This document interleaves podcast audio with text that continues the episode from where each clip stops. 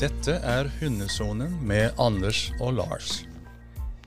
Velkommen til podkasten fra Hundesonen med Anders og Lars. Og i dag så skal vi snakke bl.a. om tematikk vi skal innom. Vi var jo innom eh, Terje sist gang, faglig ansvarlig for hundetjenesten i eh, Sør-Vest politidistrikt.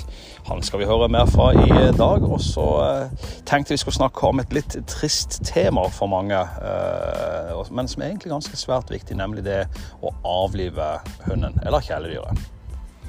Ja, det er et stort ansvar når vi henter hund, enten om man er åtte uker gammel eller om vi henter en, eh, voksen, en mer voksen hund. da. Og så eh, har vi, vi Vi lever mye lenger enn en hund. Et hundeliv er relativt kort, og da har vi det ansvaret med å ta dem ut av ut herifra også, og følge dem på den veien. Og Det er jo noe vi har gjort begge to.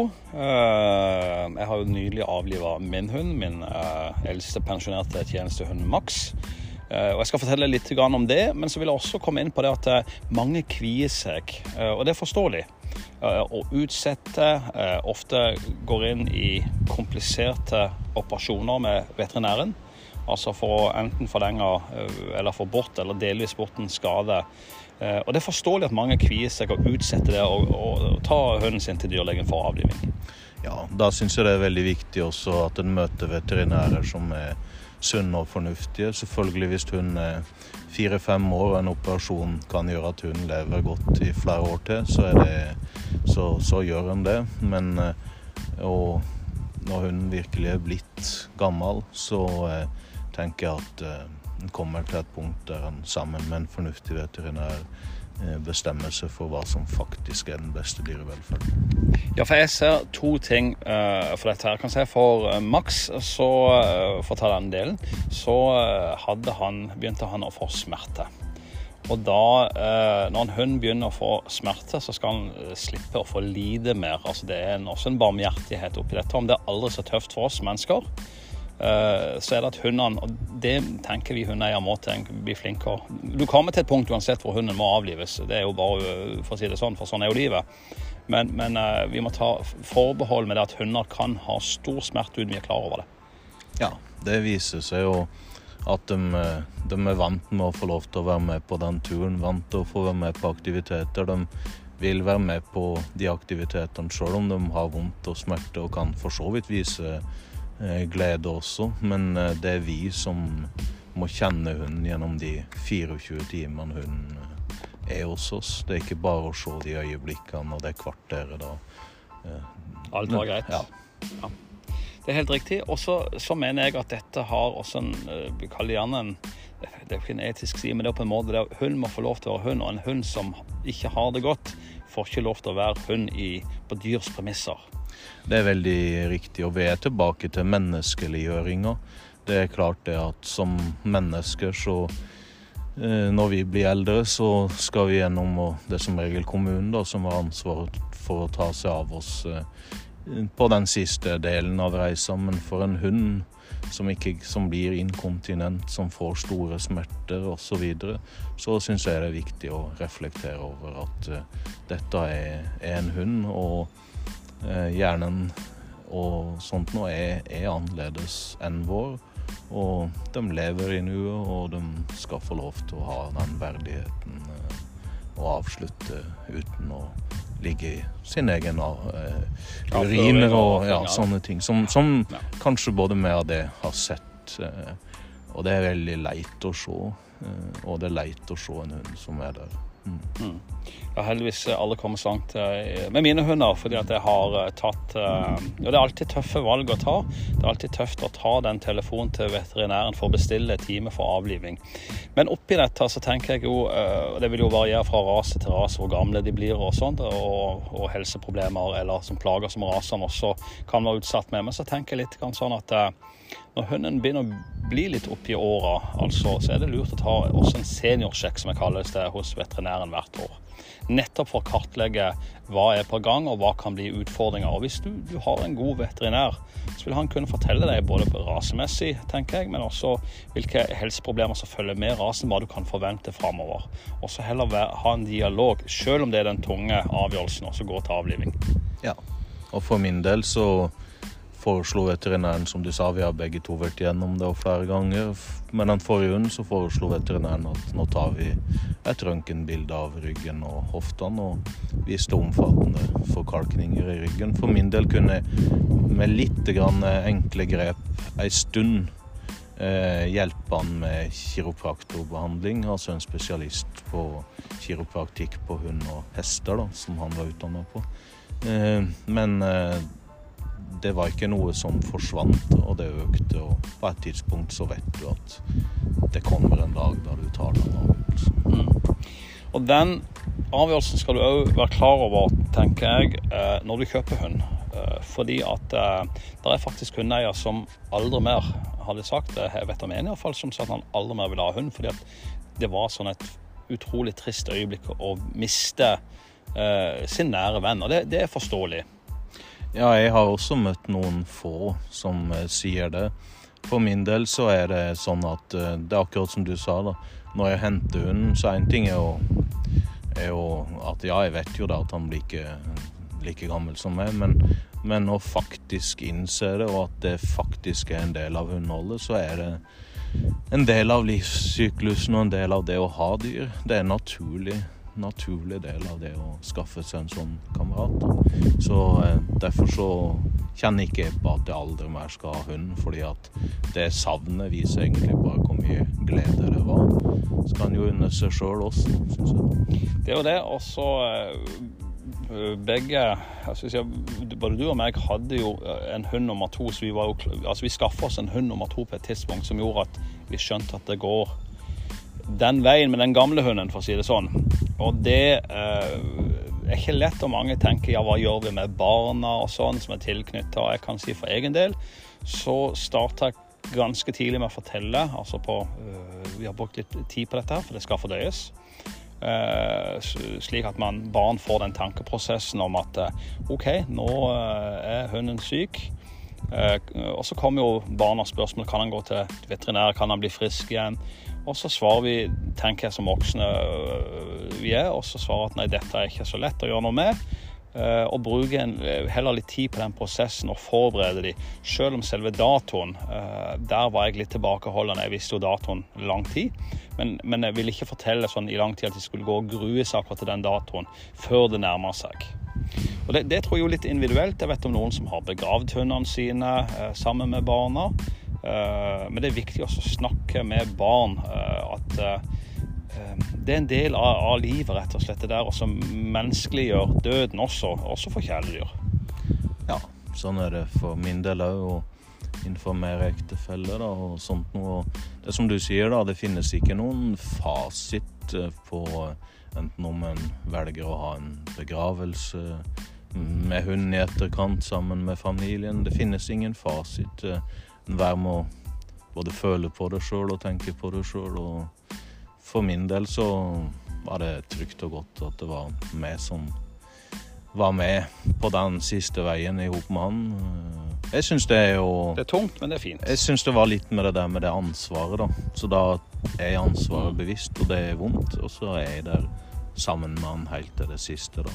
Og så vil jeg jo si at eh, Og det igjen, jeg har ikke noen fasiter på det. Både med at jeg hadde fått oss nye unge hunder, og visste ikke hvor lang tid det tok da før den hunden ble igjen, da. Men jeg ser mange ulike varianter der òg. Noen mener jo at uh, den unge hunden skal få se at den andre dør og forstå det. Jeg tror ikke, jeg tror ikke at hundehjernen fungerer sånn heller, da. Jeg gjør òg ikke for mye ut av det. rett og slett. Nei, enig i det. Mm. Så er det et annet aspekt her ved, ved, det å ha en hund som blir syk og gammel, og det går rett og slett litt på sikkerheten. For hvis du har en hund, litt større hund mm. med et passe stort bitt, så kan det også og det, det skal en tenke gjennom at når hundene blir så syke For de har, mange av de har en høyere smerteterskel for å vise at de har vondt.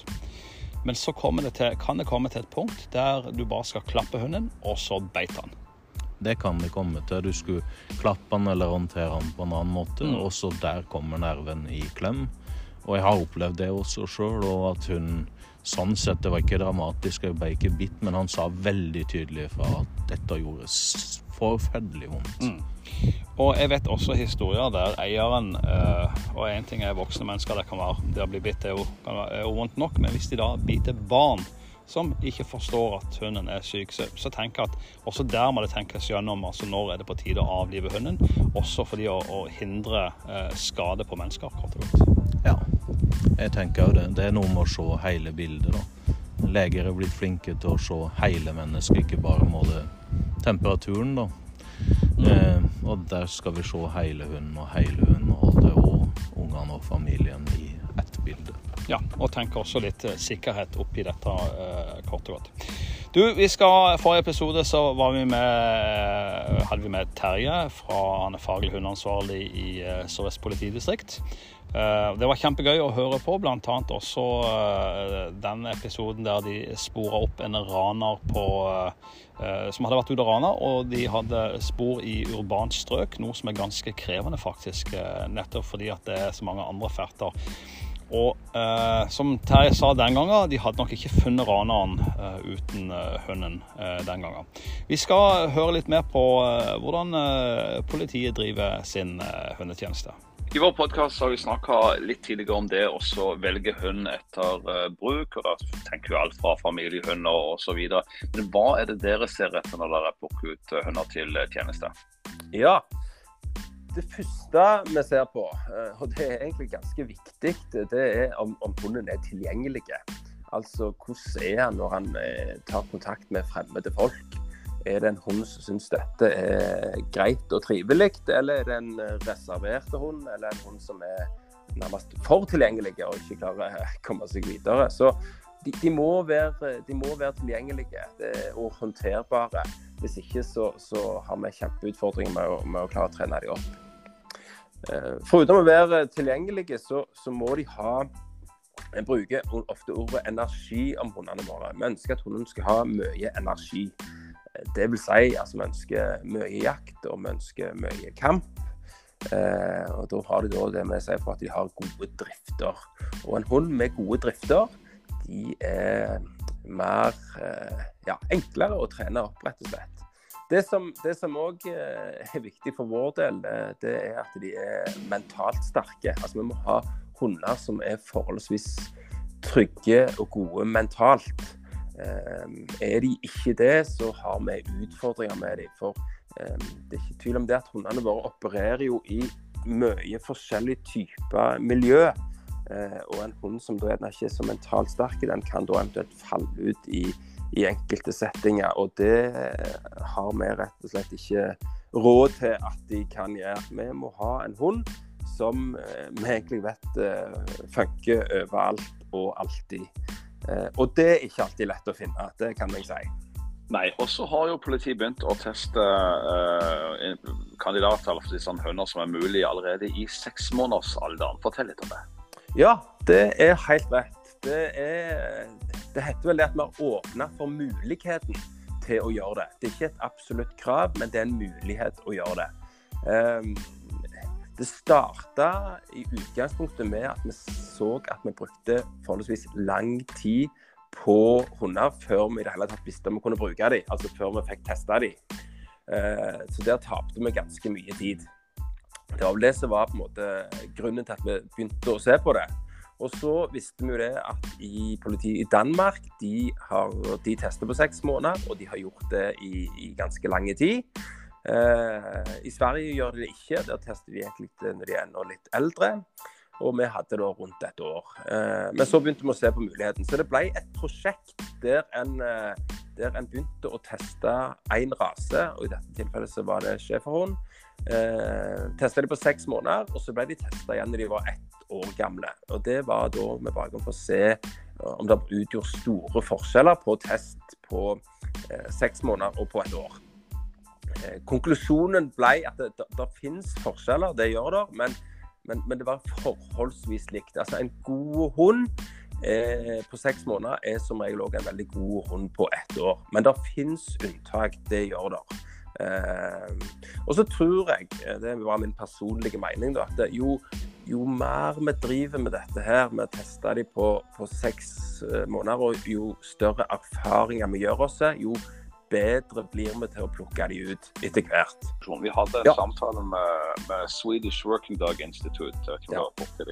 Mm. Uh, og de har jo en litt annen tilnærming til svensker, da, men de har Ja. også en litt annen tilnærming til hvordan å teste eh, de på en eh, Mm. For å få det gjennom. Altså En tilnærming med intervju mellom hundefører og en slags test av hunden, vil jeg, de greide å plukke ut flere, Mm. tenker de. Hva tenker du? Ja, altså det, det, bare for å si litt om den organiseringen hos oss nå. For altså, Politiet i likhet med alle, alle andre blir nok mer moderne. Og så eh, ser jeg jo altså Nå er hvert enkelt politidistrikt blitt større enn det eh, det var før. Det gjør at fagmiljøet blir styrka. Eh, så jeg ser altså, eh, Før, uten å være helt sånn eh, eller sette i bås, så var det sånn at når vi hadde testa en hund på ett år, og den hadde bestått, så var det sånn OK, den er den du skal bruke. Eh, så hvis du ikke fikk det til da, så var det liksom Men den her er jo mentalt god nok, så dette bør du få til. Tror i dag at vi på en måte, selv om vi på en måte tester hunder på seks måneder og sier at dette er gode greier, dette fortsetter vi trening med, så er vi bedre å se underveis om dette faktisk er godt nok. Eh, Så selv om de har bestått en test på seks måneder, så har vi eksempler på, i vårt distrikt at vi har trent i et års tid etterpå det, men vi har selv valgt å si at dette er faktisk ikke godt nok. Vi så feil på den testen på seks måneder, eh, så dette går ikke i rett retning. Så jeg tror det er veldig farlig å være sånn bastant på at test på seks måneder er genialt, eller test på seks måneder er kjempedumt. Jeg tror det på en måte å kunne evaluere litt underveis og på en måte se litt hva vei dette bærer, tror jeg er veldig viktig. Og der er det på en måte erfaring, tenker jeg, som, som er avgjørende for, for om, vi, om vi ser dette tidlig eller, eller seint. Et annet prosjekt er å hente hunder fra Ungarn. Hvilken erfaring har dere hatt med det så langt? Ja, der eh, kan jeg ikke gi deg et godt svar. For eh, vi har ikke henta altså Sør-Vest politidistrikt har ennå ikke henta hund fra Ungarn. Og det er ennå såpass tidlig at eh, jeg er veldig usikker. Jeg, det kan fort hende at eh, vi er i en rekrutteringsfase i eget distrikt der vi skal ansette nye hundeførere. Eh, da kan det være et alternativ å hente, hente hund fra Ungarn. Eh, Og jeg tenker at vi har på en måte Hvis det blir eh, tilfellet, at vi gjør det, eh, så tenker jeg at da vil vi gjøre oss en del erfaringer eh, på hvordan dette er. Så jeg tenker i utgangspunktet spennende, men det er sjelden at noe bare er gull og vokser inn i himmelen. Så hvis vi har én fot i bakken og, og, og tar det litt med ro og, og tenker at dette kan være spennende, så tror jeg at eh, om et års tid, eh, hvis jeg er med i podkasten din på ny da, så kan jeg gi deg et bedre svar rundt dette. Det er et veldig spennende prosjekt. Ja, jeg tenker òg at eh, jeg tror det er viktig uansett hva man driver med politihund eller andre brukshunder. Så tenker jeg det å ha litt åpent sinn og, og prøve litt eh, nye ting tenker jeg kan veldig ofte være spennende og, og dra alle i, i rett retning. Du, eh, helt avslutningsvis. Eh, det å være hundefører i politiet er jo en populær stilling. Hva skal til eh, for å bli hundefører? Ja, det, dette holder vi akkurat på med nå, i og med at vi rekrutterer nye. Nei, Jeg, vi tenker det at eh, en, en eh, fornuftig og, og bra, bra dame eller mann eh, eh, kan gjøre en god jobb, hørte jeg på si. Men nei, du må ha en, må ha en viss eh, fysisk form. Det, det blir litt sånn, eh, helt sånn grunnleggende. Vi vet at vi i våre eh, ja, Ryfylke-heier osv. Kan bli sendt ut på, på lange turer og, og, og lange søk. Så en viss, en viss fysisk form er en, en nødt til å ha. Og litt kontroll på, på kart og kompass, så en ikke går seg helt vilt. Det kan òg være en fordel, altså. Det kan det. Men um, som sagt, en, en fornuftig, mann eller fornuftig dame med, med en god fysisk form og, og en interesse for uh, fagfeltet selvfølgelig kan, kan uh, være, være gode for oss. Er ikke, det er ikke alltid vi er på jakt etter de som har hatt hund fra de er ett år gamle. holdt jeg på å si. Der kan du ha lært deg masse uvaner som gjerne ikke vi er så veldig glad i. Men, men det kan òg være veldig positivt, altså. Så, så den eh, hundeerfaringen den, eh, den, eh, den kan både være god og noen ganger ikke, ikke så god òg. Det var det vi hadde i eh, denne omgang. Vi er vel tilbake om eh, 14 dager, Anders. Det er vi. Vi gleder oss til det. Så eh, da ses vi igjen. Vi gjør det. Ha det så lenge. Og så kan dere følge oss på Facebook eller Instagram. Eh, til og med på Snapchat er vi på, og TikTok. Eh, og selvfølgelig på vår egen nettside hundesonen.no. Takk for nå.